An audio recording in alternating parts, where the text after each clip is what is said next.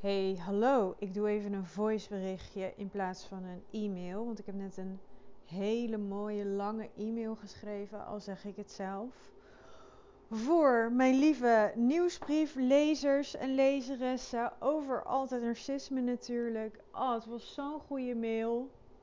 Ik was er helemaal trots op. Ik was hem aan het afronden. Het was echt een hele lange mail. Zelfs voor mijn doen was die nog veel langer. En ik ga naar een ander tapje, want ik wil een emoji, zo'n gezichtje erin gaan plakken. En ik wil terugklikken en ik klik die hele mail weg. Oh, en die mail, die kan je dus niet terughalen in het mailprogramma waarmee ik normaliter mails verstuur. Oké, dat is even mijn frustratie. Maar de kern van mijn mail ging over even aan mijn psycholoog vragen. Um, dat is de titel van de mail. En ik, uh, ik ga gewoon nu gewoon een soort van uit mijn memory, uit mijn uh, herinnering, ga ik gewoon zeggen wat er in die mail stond. in die mail stond, ik moet dan denken aan het liedje van Bloem. Even aan mijn moeder vragen. Zo denk ik als ik nu die titel lees, even aan mijn psycho vragen. Dus even aan mijn psycho vragen. Oké, zo zag ik de titel van deze mail. Um, Oké, dit is echt, dit kwam in tekst veel beter over dan dat ik dit nu hardop zeg. Maar even aan mijn psycholoog vragen. Dat is de titel van de mail. En daar wilde ik het graag over hebben. Want uh, ik heb wel eens kennismakingsgesprekken. Mensen die bezig zijn met uh, loskomen van narcisme in familie of in relatie of ex-relatie uh, situaties. En die zijn nou ja, waarschijnlijk op het internet ook aan het zoeken over narcisme. Die bekijken misschien uh, een Instagram-post van mij of een masterclass. Die hebben superveel herkenning of krijgen heel veel motivatie of inspiratie uit mijn persoonlijke verhaal of proces of stappen die ik gezet heb. En die uh, boeken een kennismakingsgesprek met mij in. Nou, dat is een heel fijn gesprek. Vaak Um, er wordt gekeken of er een klik is, of er een match is. Jij kan je vragen stellen over mijn stijl of mijn visie of uh, praktisch het programma of wat ik denk dat voor jou het handigst is om nu te doen. Dus ik deel ook even mijn visie op jouw persoonlijke situatie. Ook ik, ik kijk naar jou, ik kijk of er cruciale ingrediënten aanwezig zijn uh, bij jou die ervoor zullen zorgen dat jij het programma, mijn programma, met succes afrondt. In de zin van dat ja, je echt super vette, mooie, grote resultaten kan gaan behalen. Want uh, ja, dan en alleen dan lijkt het mij nuttig voor jou en voor mij dat je start. Dus ik kijk ook even naar jou van joh, uh, wie ben je en wat is je problematiek en um, of je uitdagingen. Waar wil je op groeien? En dan denk ik kritisch en kijk ik ook kritisch met jou mee, maar kijk zelf ook kritisch van hey, gaat dit lukken? En ook gewoon of, ik het, of het me leuk lijkt om jou te helpen. Um, dus daar kijk ik ook naar. Dus dat is heel transparant over wat een kennismakingsgesprek is. Ik weet niet of je achtergrondgeluid hoort, maar er gaat een schoonmaakwagen door mijn straat as we speak. Um, maar niet zelden hebben uh, mensen waarmee ik spreek ook een psycholoog. Um, en ieder gesprek is anders, ieder individu is anders.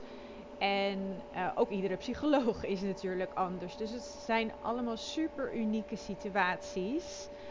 Uh, waarin ik jou spreek. Natuurlijk, jouw, jouw narcisme-situatie is ook weer uniek. Het, betreft je ouder of je ex-partner. Je hebt er wel of geen kinderen mee. Er zijn zoveel variabelen. Je bent 40 jaar getrouwd geweest, 1 jaar getrouwd geweest, nooit getrouwd geweest. Het is je collega. Nee, er zijn natuurlijk zoveel variabelen die spelen. Maar ook of je al hulp hebt of hebt gehad.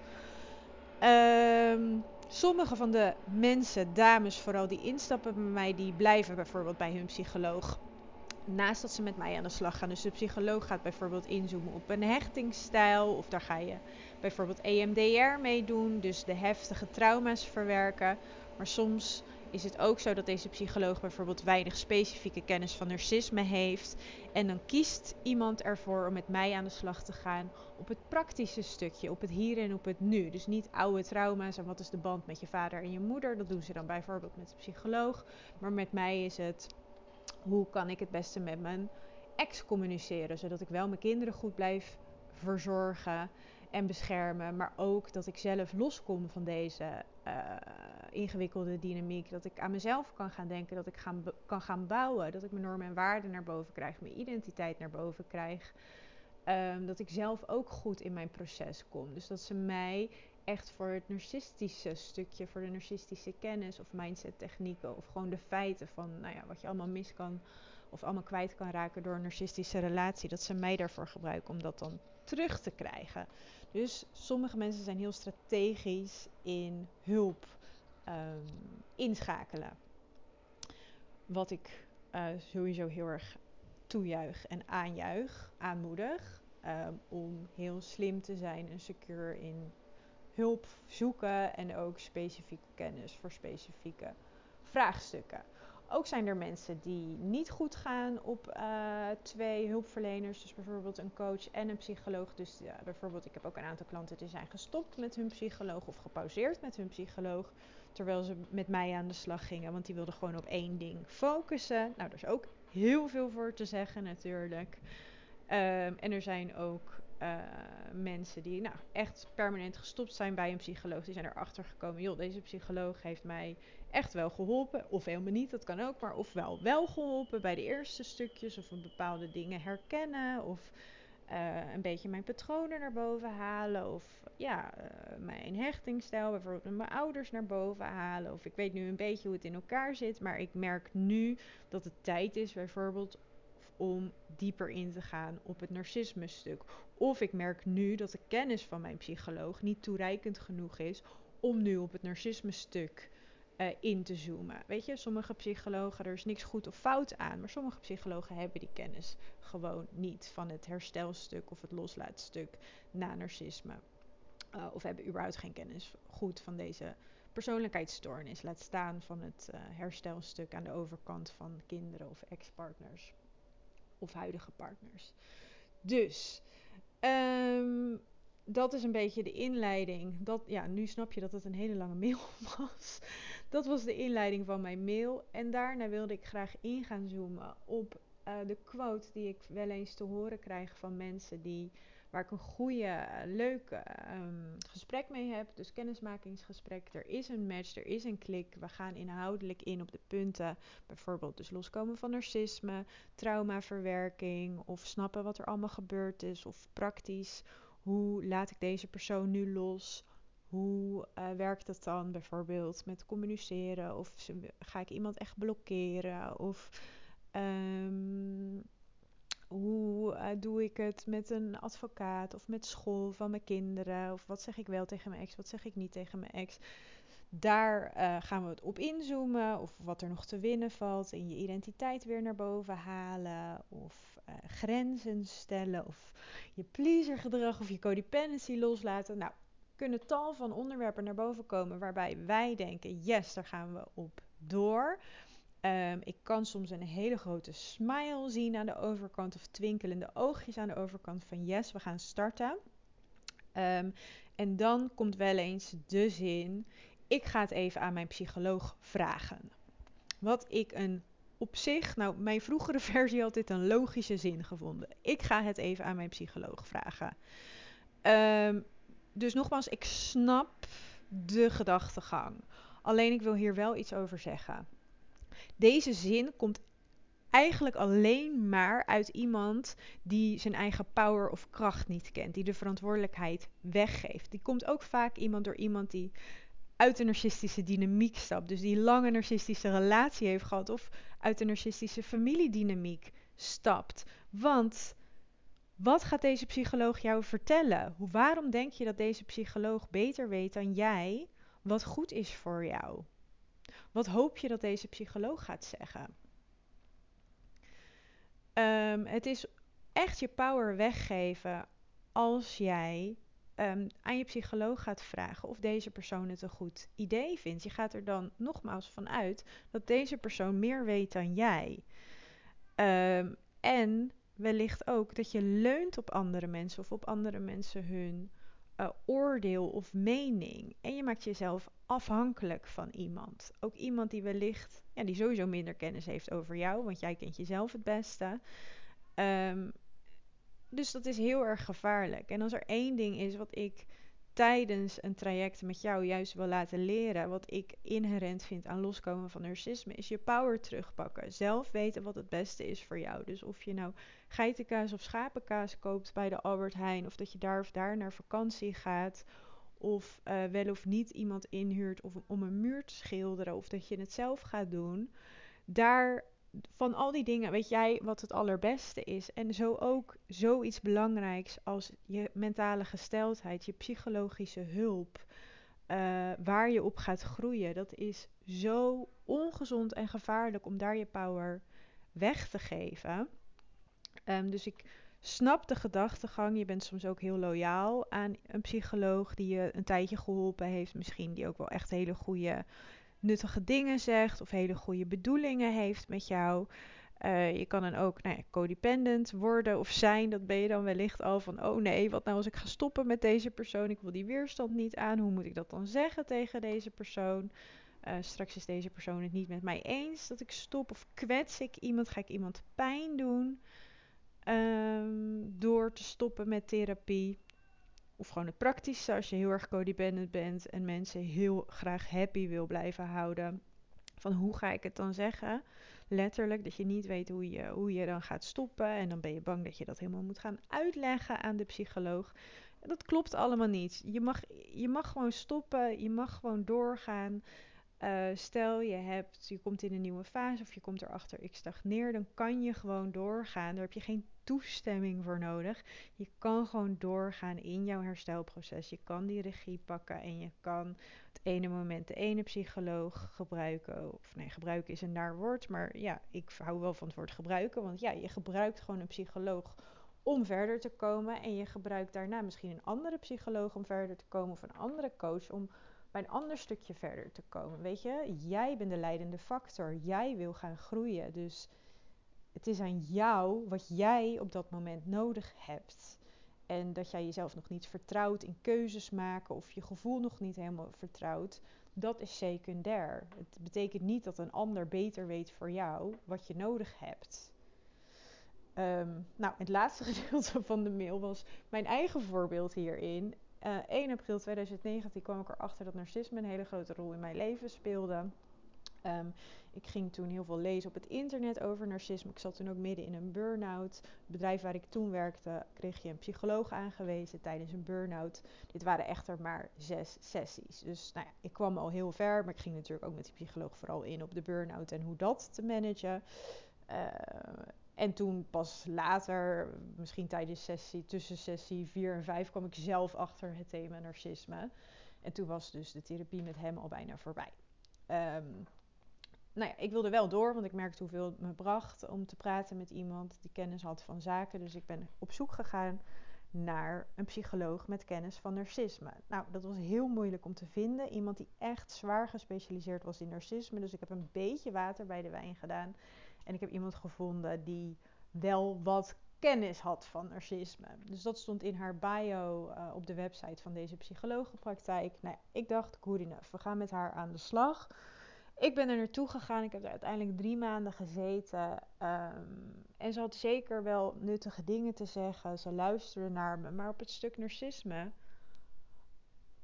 gaf ze geen thuis. Ik kon de, de moeilijkheden die ik had met de narcisten uit mijn leven... kon ik niet bespreken met haar. Vanuit het kader narcisme. Want ze had die kennis niet. Dus ze kon daar niet verder op doorpakken. En ik had het gevoel dat ik op het thema veel meer wist dan haar. Want ik was inmiddels ook al een half jaar zelf narcisme-studie aan het doen. En ik had soms het gevoel dat ik haar dingen aan het uitleggen was. Um, dus ik had ergens wel het gevoel dat ze me hielp. Of dat ik in ieder geval een soort uitlaatklep had. Maar ik had niet het gevoel dat we op het stukje waar ik graag op door wilde gaan beter op wilden worden of willen gaan verwerken of inzien of snappen of begrijpen, dat we daar verder op kwamen. Dus natuurlijk ging ik gewoon in mijn vrije tijd gewoon door met zoeken naar info over narcisme. Dus toen kwam ik op een workshop terecht, wilde ik me inschrijven voor een workshop en toen via die workshop kwam ik uh, bij iemand die wel zwaar gespecialiseerd was in narcisme, die het zelf had meegemaakt, een narcistische ouder heeft zij ook. En uh, waar ik een klik mee had. En die mij wel begreep, die wel kon doorpakken op het stukje narcisme. Die meer wist dan ik op het thema narcisme. En die mij dus echt kon gaan begeleiden en helpen hierin. En dat voelde zo fijn aan. Ik had een gesprek met haar, dat voelde zo fijn aan.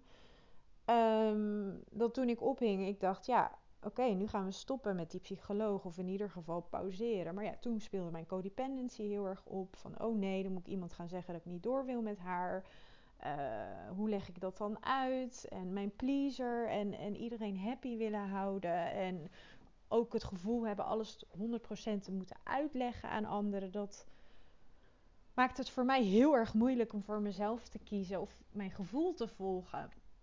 Maar um, ja, ik wilde toch heel graag met deze coach starten. Ook al kostte dat ook veel meer bijvoorbeeld dan die psycholoog. Maar ik wist gewoon, of ik voelde gewoon dat dit me ver zou brengen. Dus ik heb toch, nou, ik ben naar de psycholoog gegaan. Ik heb het besproken uh, met al mijn codependency. Waar ik nu echt ja, bijna om moet lachen dat ik dat toen zo deed. Maar ik ging echt haar om toestemming vragen. En ik ging ook helemaal zeggen, ja, maar je hebt me wel geholpen. En ik ging heel erg met haar haar ego, weet je, alsof ze het echt, alsof het haar heel erg zou kwetsen dat ik zou stoppen met haar, met een ander door zou gaan.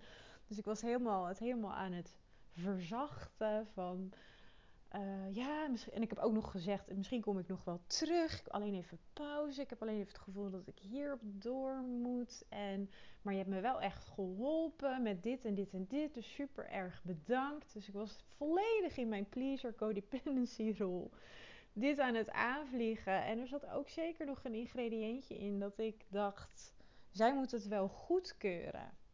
Maar nu, met de kennis van nu, dat is echt van de zotte. Ik werd niet door haar geholpen op het punt waarop ik geholpen wilde worden. Ook al was ze op zich een aardig persoon of capabel waarschijnlijk in haar werk. Maar ze kon mij gewoon niet helpen op het stukje waarop ik verder wilde gaan. En ik had het gevoel dat daar voor mij de goudpot, de, de groei en het snappen en het verwerken lag. Dat was mijn gevoel.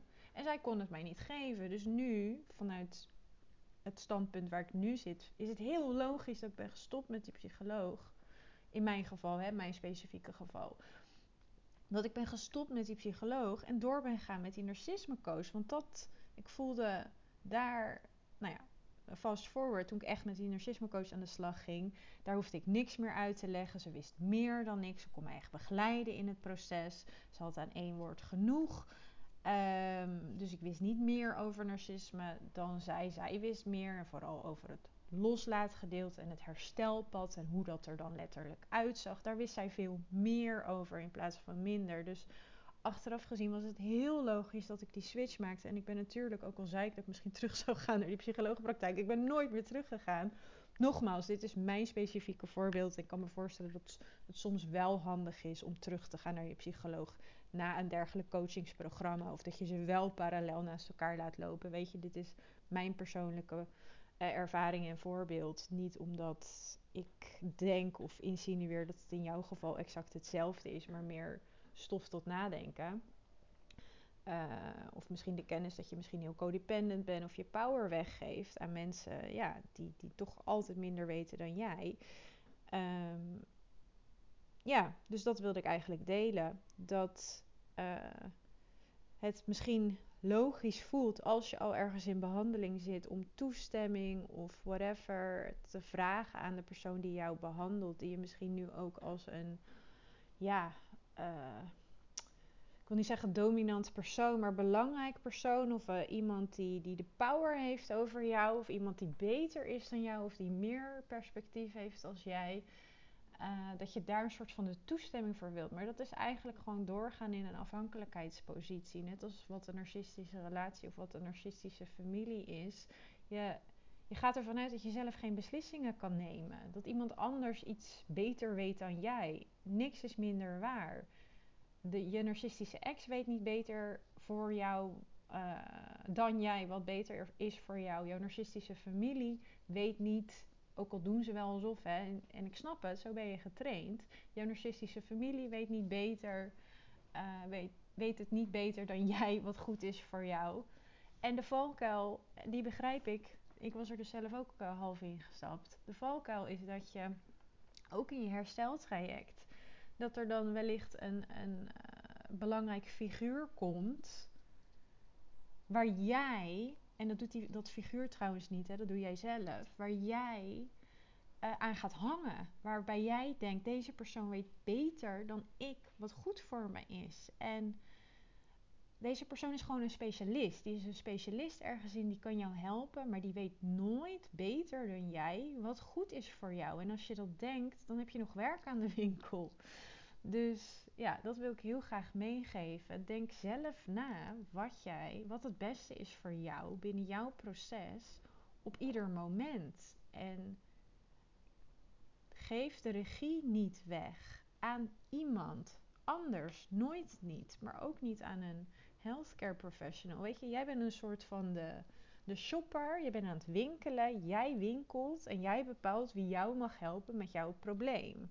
Er is nooit een iemand die, die dit beter weet dan jij. Er zijn mensen die suggesties kunnen geven of jouw tips en tricks. Of heb je hier al aan gedacht. Maar er is niemand die boven jou staat en die zegt: Nu ga jij dit doen. Of dit is nu slim om te doen. Dat zou betekenen dat je geen power hebt en dat je afhankelijk bent. En dat je geen regie hebt over je eigen leven. Nou ja, en dat is volgens mij precies hetgene waar je los van probeert te komen na een narcistische relatie of familiedynamiek of beide. Dus, dit is een lang bericht geworden, maar dit was mijn mail die ik helemaal lekker goed had opgepend net. Maar ja, die je nu dus in een voice audio krijgt. Wat misschien eigenlijk veel lekkerder luistert, bedenk ik me nu ook. Dus misschien was dit een blessing in disguise dat ik jou even deze voice memo stuur. Nou, onderaan deze mail had ik nog twee linkjes gezet. Die ga ik wel in mijn e-mail zetten. Uh, deze maand is er een artikel live gegaan in de Marie Claire online van een tweede klant van mij. Zij heeft haar bizarre verhaal gedeeld met Marie Claire. Zij kwam achter een totaal dubbel leven van haar ex. En een ander artikel is in de Linda, Linda Online dan, uh, live gegaan. Ook deze maand. En daarin hebben wij, ik en uh, een andere professional, mochten wij het hebben over vrouwen die meer en meer narcistisch aan het worden zijn. En dan hebben we het over narcistische trekken. En ik heb daar mijn mening over mogen geven. En een gedeelte van mijn mening hierover is: één, sommige narcistische trekken zijn super waardevol voor vrouwen om meer en meer te hebben. Goed kiezen voor jezelf. Uh, het beste willen voor jezelf. Soms wat competitief zijn. Bijvoorbeeld ook als je een business hebt en dergelijke. Nou ja, je mag ook lekker narcistisch zijn. Bedenk ik me nu. In de beste professional kiezen. Dus lekker egoïstisch. Uh, deze professional helpt me nu niet meer. Oké, stoppen. Tuurlijk, alles met respect. Met respect stoppen en dan doorgaan naar de volgende. Dat kan gewoon. Dat is natuurlijk geen narcistische persoonlijkheidsstoornis als je dat hebt. Maar we hebben het over narcistische trekken. En narcistische trekken is soms gewoon lekker jezelf op nummer 1 zetten. Dus mijn mening in het Linde-artikel is dat het soms goed is dat vrouwen dat naar mijn mening best wel wat vaker mogen doen. Echter, en dat is ook mijn mening, is dat het ook een valkuil kan zijn als je doorslaat in narcistische trekken en dus alleen nog maar aan jezelf denkt of competitief bent of uh, het beste van het beste wil en dat je daar door, en dat is dus een valkuil, ook je vrouwelijkheid als vrouw kan verliezen. En dan bedoel ik niet dat mannen narcistisch zijn, dat, dat bedoel ik hier totaal niet mee, maar ik bedoel dat als je als vrouw bijvoorbeeld wat individualistischer wordt of heel veel keuzes voor jezelf gaat maken, dat dat goed is en mooi is en dat dat best uh, gezond kan zijn. Maar dat als je erin doorslaat, dat je je vrouwelijkheid kan verliezen en dat je daarmee de natuurlijke verbinding en aantrekkingskracht met mannelijke mannen, gezonde mannen, let wel, met mannelijke gezonde mannen kan verliezen. Dus dat probeer ik uit te leggen in het Linda-artikel. Uh, dat is gedeeltelijk gelukt. Maar ik ga er denk ik ook nog even een podcast over opnemen. Omdat dit een heel genuanceerd. Uh, oh, mijn hond schudt zich even uit naast mij. Omdat dit heel genuanceerd is wat ik daarmee bedoel. En het kan heel snel ook verkeerd opgevat worden. Dus ik denk dat ik er nog even wat tijd aan ga spenderen in een podcast. Binnenkort om uit te leggen Um, wat ik hiermee bedoel en wanneer in mijn optiek het handig is om wel wat meer narcistische trekjes te kunnen hebben als vrouw of ze aan te kunnen zetten. En wanneer het handig is om ze eventjes uh, achter in de la te leggen. Wanneer je bijvoorbeeld gaat daten, want het kan ook tegen je werken. Dus dat. wilde ik even delen. Die twee artikelen ga ik gewoon in de mail zetten. En weet ook dat de klant, de ex-klant, die het Marie Claire artikel, die in het Marie Claire artikel staat, daar heb ik ook een podcast mee opgenomen. Dus uh, die ga ik binnenkort live zetten. Die staat nog niet live. En daar gaan wij samen dus nog even in op dit extreem bizarre verhaal. En dan ga ik haar ook een aantal vragen stellen van... joh, hoe ben je hier bovenop gekomen? Natuurlijk met oog op uh, ja, waarde geven aan mensen die uh, in een dergelijk schuitje zitten... of die, die nog aan het begin staan hiervan. Okido, lang verhaal. Uh, bedankt voor het luisteren als je nu nog luistert. En ik wens je een hele fijne dag en week. Bye bye, doei doei.